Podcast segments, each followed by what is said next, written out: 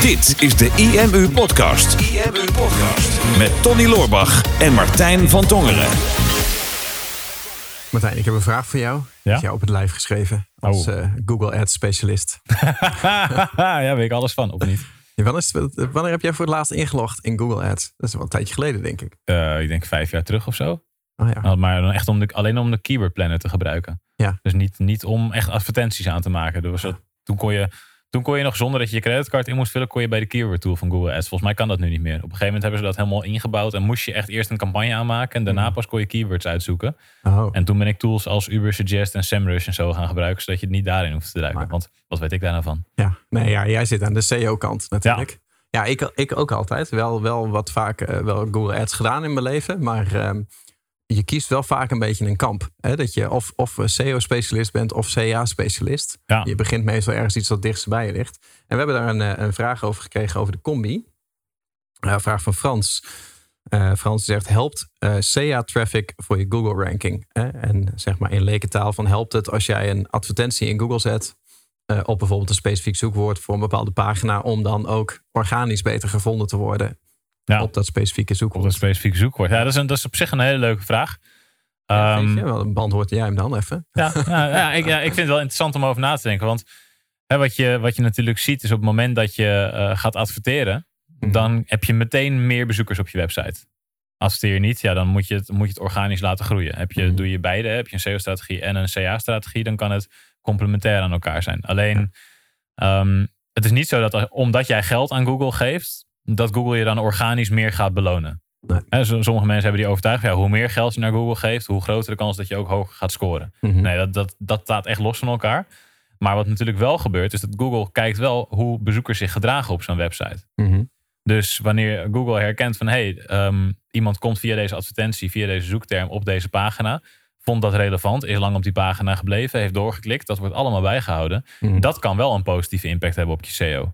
Maar dat is niet per se omdat je geld geeft aan het stukje SEA, maar meer door het bezoekersgedrag van die gebruikers op een website, waardoor dat een positieve impact op je SEO kan hebben.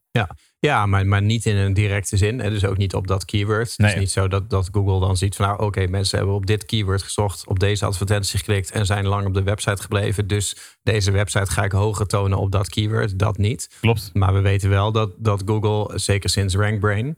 meer kijkt naar het totale plaatje van jouw website. Hè? Naar de kwaliteit van de pagina's, naar eh, de mate van autoriteit binnen, eh, binnen een niche. Dus ze kijken iets verder dan statische content en backlinks... maar meer naar ehm, ja, waar gaat deze website over... en hoe waarderen mensen deze website in het algemeen. Ja. Eh, en, en dat kan inderdaad wel bijdragen. En ja, het, het ligt er gewoon een beetje aan eh, wat, wat je graag wil. Kijk, hè, je kan het argument opvoeren van als jij betaalt ehm, voor een advertentie op een bepaald zoekwoord en je geeft daarmee geld aan Google, dan ga je ook hoger organisch komen.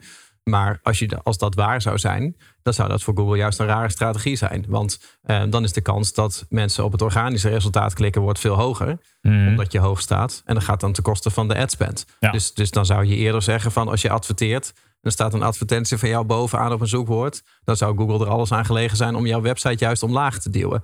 Hè, dus daar, daar wordt natuurlijk wel veel over gesproken. Er zijn nooit bewijzen van. Er wordt ook natuurlijk wel veel op gecontroleerd. Er zijn af en toe eens een keer wat boetes over eh, voorrang van producten in re- zoekresultaten, dat soort dingen. Over het algemeen, ik heb niet het idee dat dat soort dingen gebeuren. Ik heb er ook nooit bewijs van gezien. Heb het ook wel getest, ook niet daar een verschil ervaren. Mhm. Uh, maar het is natuurlijk wel, kijk, ja, als je gaat adverteren, ja, tuurlijk draagt het bij aan je ranking. Want de ranking is simpelweg hoe hoog je staat. Ja. Uh, dus als jij een advertentie bovenaan in Google staat en je staat dus bovenaan, dan heeft adverteren heeft een positieve invloed op je ranking. Um, ik denk, kijk, ik, ik heb uh, van, van oudsher heel vaak een beetje uh, vanuit SEO gedacht. Hè? Dus ik wil het liefst gewoon gratis bovenaan staan op een zoekwoord. Um, want dat is lange termijn. Dat kan ik lang vasthouden en dat is gratis. Dus dat is een hele makkelijke manier om een marketingmachine op te voeren. Alleen die posities veroveren is gewoon wat moeilijker. Ja. En, en kost wat meer tijd. En op een gegeven moment heb ik daar wel een nuance in gezien. Dat ik denk, ja, ik vind dat nog steeds waardevol. Heel waardevol. Een Mhm. ideaalbeeld. Maar niet ieder zoekwoord weet ik van tevoren... of dat daadwerkelijk ook klandizie gaat opleveren... of dat het mij alleen maar bezoekers oplevert. Ja. En dat is nog wel een interessante nuance. Dus um, wat kun je doen? En dat doen wij nu steeds vaker... is dat we met SEA beginnen, Google Ads. En dat we bijvoorbeeld testen van... nou, um, We hebben uh, bijvoorbeeld uh, software, Phoenix, waarmee je een landingspagina maakt. Nou, als we dan kijken naar dat woord landingspagina, dan kun je op verschillende manieren kun je daarop zoeken. Dus bijvoorbeeld, wat is een landingspagina? Nou, dat is een, een informatie uh, zoekende zoekopdracht. Hè? Dus uh, niet per se een koopgerichte zoekopdracht. Mensen willen weten wat een landingspagina is. Betekent niet per se dat ze op zoek zijn naar software om een landingspagina mee te maken. Hè? Dus dan zou het logisch zijn, wat is een landingspagina? Dat we dat soort bezoek, uh, dat soort verkeer bijvoorbeeld naar onze kennisbank zouden leiden, waarin we het een en ander uitleggen. Hè? Als je een zoekopdracht hebt, bijvoorbeeld landingspagina verbeteren of landingspagina tips. Um, dat zou in mijn ogen meer een video of een blog zijn. Hè, met, met, met korte tips. Er zit nog niet een bepaalde koopintentie in. Maar er zit wel een, een bepaald niveau al in. Een bepaalde mm wel, wel, welwillendheid om aan, ermee aan de slag te gaan. Um, landingspagina verbeteren. Die zou ik liever naar een gratis e-book sturen uiteindelijk. Als het om een, een call to action gaat. Met bijvoorbeeld tips over hoe je je landingspagina kan verbeteren. En dan hebben we een e-mailadres. En dan kunnen we in dat e-book en via de mail kunnen we onze software aanprijzen. Um, mensen die direct al zoeken op landingspagina software of landingspagina templates, um, die hoeven we eigenlijk niet meer die informatiekant op te sturen. Um, die hoeven ook niet naar een opt-in te sturen. Want iemand die op landingspagina templates zoekt, die zal niet zo snel een e-book over landingspagina's gaan downloaden.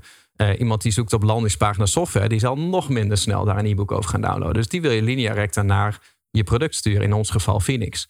Um, en zo testen we zeg maar een beetje dat soort verschillende keywords binnen de bepaalde groepen.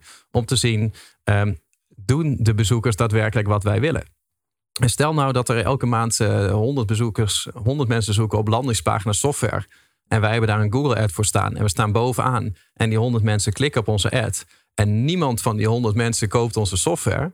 Ja, dan uh, weten we in ieder geval dat het voor ons geen zin heeft om, om die positie gratis te gaan veroveren. Ja. Want het bezoek is er wel, maar het koopt niet. Het converteert niet. En het is wel heel makkelijk om zeg maar, te gaan testen met Google Ads. Want dan sta je direct bovenaan. Je hebt direct de traffic, je hebt direct de data. Dan kan je net zo lang gaan tweaken totdat je weet, werkt het? En dan kun je kijken naar wat zijn nou voor ons de allerbelangrijkste woorden als het gaat om klandizie. Zou het nuttig zijn om daar ook de gratis eerste positie te veroveren? En zo ja, dan durven we daar ook in te investeren om daar echt een monsterblog over te uh, laten schrijven. Ja. Maar dat hoeven we natuurlijk ook niet zelf te doen. Nee, dat klopt. En, en een interessant verschil natuurlijk bij SEO en bij CA is dat je bij uh, de advertentiekant, hè, dan, daar wordt, kijk je heel vaak naar die, naar die korte zoektermen. Hè, dus ja. bijvoorbeeld landingspagina maken of landingspagina software, landingspagina uh, kopen of landingspagina template. Hè. En, dat, en, wat je vaak ziet is dat daar ook veel op geadverteerd wordt. Mm -hmm. En de meeste ondernemers die staren zich ook een beetje blind op dat stukje. -hmm. dus ik heb twee of drie zoektermen in mijn hoofd waar ik wel bovenaan op zou willen scoren. Nou, daar zijn vier adverteerders op. Dus natuurlijk iets veranderd in uh, het land van Google Advertising ook de afgelopen jaren. Eerst dat je de rechterzijbalk en stond bovenaan stonden één of twee advertenties en dan begonnen de zoekresultaten. Nu is het zo, als je op een korte zoekterm zoekt, heb je meestal vier advertenties bovenaan. De rechterzijbalk is weggehaald. Mm Daaronder staat een Google Maps kaartje. En soms staan er ook nog wat afbeeldingjes bij van bedrijven. En pas daaronder zijn de organische resultaten. En vroeger was het zo dat als je rechts die zijbalk had, dat filterde bijna iedereen wel al. En die bovenste resultaten, de meeste mensen klikten daar ook niet op. Dus je ging automatisch naar het organische resultaat. Omdat als je een tijdje in Google Google hebt gebruikt, dan weet je, oké, dit is het beste resultaat volgens Google. En niet omdat er voor betaald is. Mhm. Alleen nu is ineens de stap om naar het organische resultaat toe te gaan, mhm. is vele malen groter. Omdat de, het stuk boven de vouw, zoals dat heet, zoveel langer is. Dat je nu dus waarschijnlijk toch meer aandacht naar die advertenties gaat geven. Ja. En, en dat, dat stukje, daar ligt dan de focus op. En in sommige branches, bijvoorbeeld bij loodgieters of zo, die betalen volgens mij een paar euro per klik of 10 euro per klik in sommige gevallen. Oh. Denk, ja, dan moet je wel echt heel goed weten en dan kan je zelf zeggen, ja, dat, dat wil je gaan testen. Mm En dan moet je wel flink wat budget tegenaan smijten om dat, om dat natuurlijk te testen. Alleen het grappige daarbij is, en waarom ik fan ben van SEO ook wel, is dat, dat de meeste mensen zich zo blind staren op die kleine, uh, die kleine zoektermen. Terwijl op die bredere zoektermen, daar zit meestal helemaal geen advertentieverkeer. Mhm. En daar zit wel heel veel zoekverkeer. Soms minder zoekverkeer, maar wel weer heel gericht zoekverkeer. Ja. En, en dat vind ik de, het mooie samenspel van die, twee, uh, van die twee kanten ook. Als je een goede pagina zou maken, of een goede landingspagina, of een goed blog over landingspagina's. Mm En je pakt daar uh, afgeleide zoektermen mee, die je ook kan vinden via keyword tools, of waar je met, met wat klantresearch achter kan komen. Dat je daar heel wat makkelijker die nummer één posities uh, bij kan pakken. Mm En jij hebt dat in het verleden natuurlijk gedaan met dat blog wat je toen schreef over hoe krijg ik een Facebook vind ik leuk knop op mijn website. Ja. En omdat mensen letterlijk dat intypten, eh, kwam je op die zoekterm bovenaan in Google. Maar Facebook vind ik leuk knop stond IMU, stond helemaal nergens. Mhm. Maar omdat er zoveel verkeer naar die zoekterm, hoeveel, hoe krijg ik een Facebook vind ik leuk knop op mijn website, kwam. Google zag van hé, die mensen die blijven op die pagina, die waarderen dat, die reageren. Is hij uiteindelijk is hij hoger gaan scoren op Facebook like button en Facebook vind ik leuk knop. En tot op de dag van vandaag pakken we daar een, nu een top 3 positie mee. We hebben zelfs een tijd boven Facebook zelf gestaan. Nu Ja, staan we klopt. onder Facebook. Dat is jammer. Ja, als je zocht op Facebook vind ik leuk, stonden wij boven Facebook. Ja, dus ik bedoel, hoe, hoe Ja, vet is je dat? gewonnen. Ja, dan heb je wel gewonnen, ja. En, en een paar jaar later, toen in 2015 of 2014 was dat volgens mij, toen kon je voor het eerst een WhatsApp-button toevoegen. Mhm. Toen hebben we exact hetzelfde trucje gedaan. Dus toen dacht ik, nou, dat wat jij toen hebt geschreven, dat ga ik nu doen met Ja, WhatsApp. precies, Nou, exact dezelfde strategie. Mhm. En ook bam, meteen nummer één positie. En Mhm. dat is een hele interessante manier om na te denken over ehm, wat voor type bezoeker zou ik willen krijgen. En hoe kan ik zo'n bezoeker ehm, nou door, doorvullen naar uiteindelijk mijn, mijn product. En in het geval van die Whats- WhatsApp-knop had je, had je een paar keuzes. Ja, of je moet allemaal ingewikkelde lappen code moet je gaan toevoegen. Of probeer, en destijds kon je nog niet gratis proberen, maar nu zouden we zeggen, of probeer gratis onze software en dan heb je het meteen allemaal voor elkaar. Ja, klopt. En weet je, als we naar die landingspagina kijken, dat zijn allemaal die gerichte zoekwoorden. En tuurlijk, dat is ideaal als jij, eh, wij noemden dat altijd de top van de piramide. Dat zijn korte woorden ehm, die echt al een koopintentie hebben. Hè. Dus Mhm. ehm, landingspagina software kopen. Als iemand daarop zoekt, dan hebben wij met ons product waarmee je landingspagina software kan kopen, een één op één match. Ja. Dus idealiter pakken we in ieder geval die positie. Want dan hebben we de, de kern van onze doelgroep, dat, die hebben we bereikt en dan, klopt het allemaal. En dan, gaan dan gaan we breder.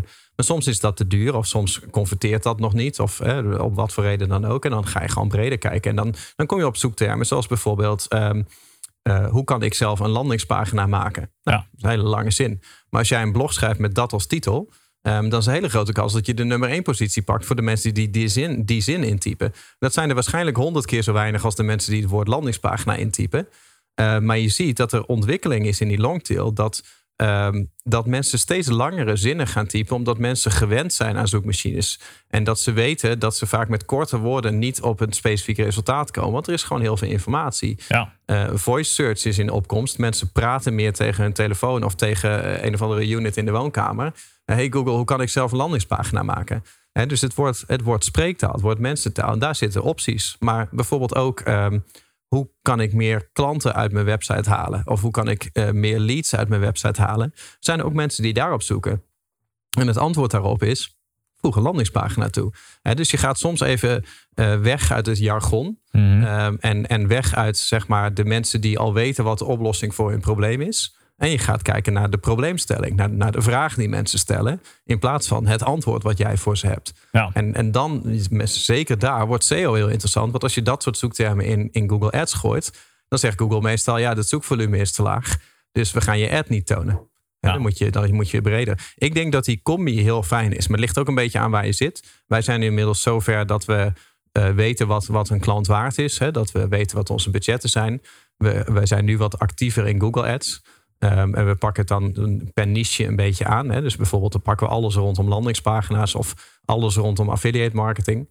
Ehm, en dan gaan we een beetje dat verkeer splitsen om te zien waar het uiteindelijk naartoe zou moeten. Ja. En als daar winnaars tussen zitten, dan zetten we die op de lijst om aan de SEO-strategie toe te voegen. Ja, klopt. En wat ik, wat ik nog vet vind aan, aan CA, wat ik dan nog niet wist, maar wat kennelijk zo blijkt te zijn. Ik had al jaren op mijn, mijn wenslijst staan van we moeten YouTube ads gaan doen. Mhm. Maar in mijn hoofd was dat echt een hele grote opgave. Van, ja, dan moet je weer een, een ad manager leren kennen. Dan moet je weten hoe je daarmee kan werken. En dan moet je daar weer op Mhm. optimaliseren. En ehm wij hadden wel een, een agency die dan de, de, de eh, social media ads deed. Hè, dat deed traffic leaders. En die hadden toen nog geen Google ads tak. Mhm. En Joost pakte begin vorig jaar onze Google ads op.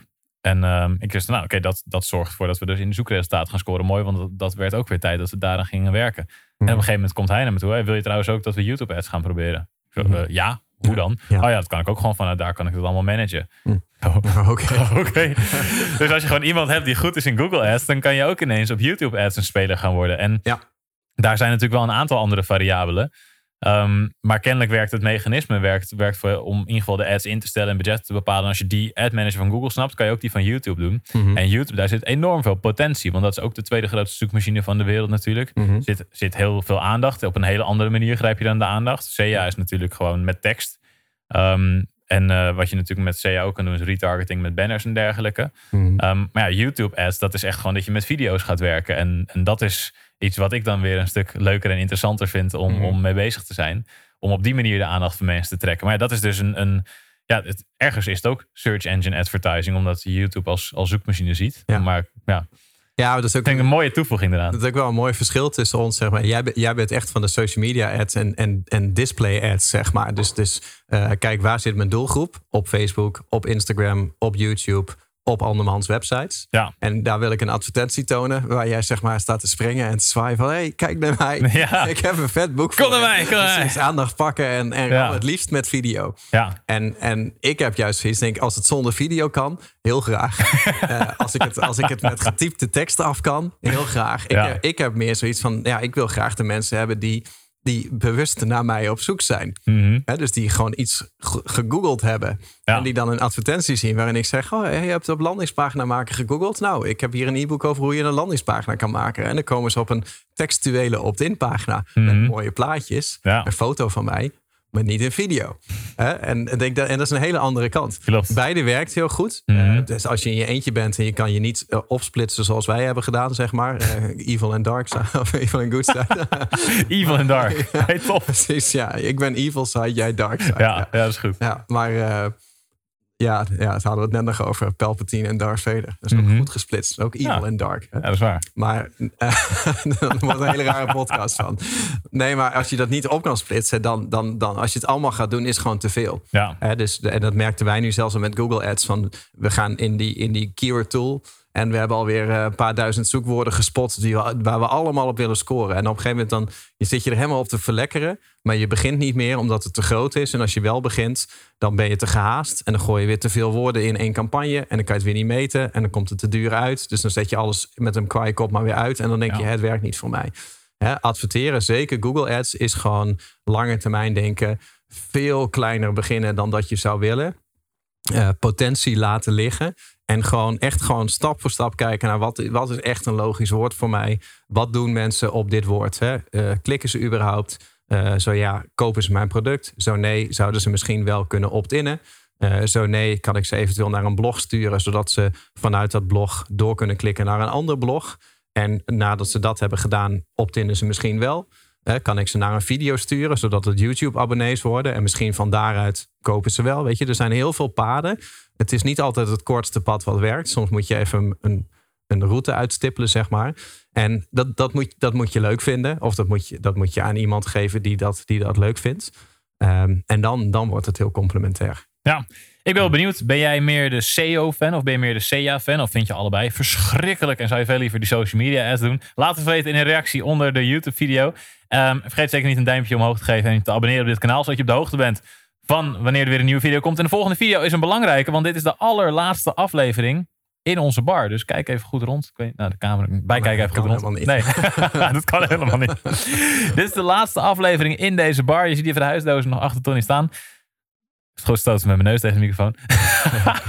Ehm, volgende keer, volgende aflevering, zal dus in een nieuwe setting worden. In een nieuwe studio, in ons nieuwe kantoor.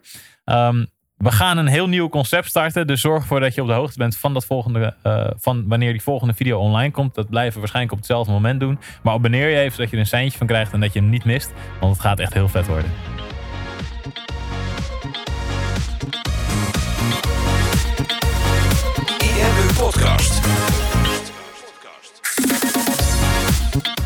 Super tof dat je hebt geluisterd naar de IMU podcast. Ik hoop dat je dit waardevol vond en dat je er inzichten uit hebt kunnen halen voor jezelf en voor je eigen business.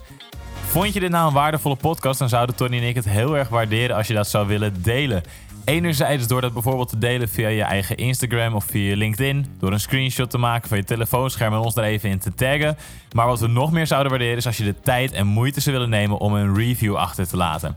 Werk je met een Apple-telefoon, dan kan je dat doen binnen je eigen podcast-app door daar een review te geven. Geef ons een x aantal sterren met daarbij een korte motivatie wat je van onze podcast vindt. Zouden we echt enorm waarderen als je die tijd zou willen nemen.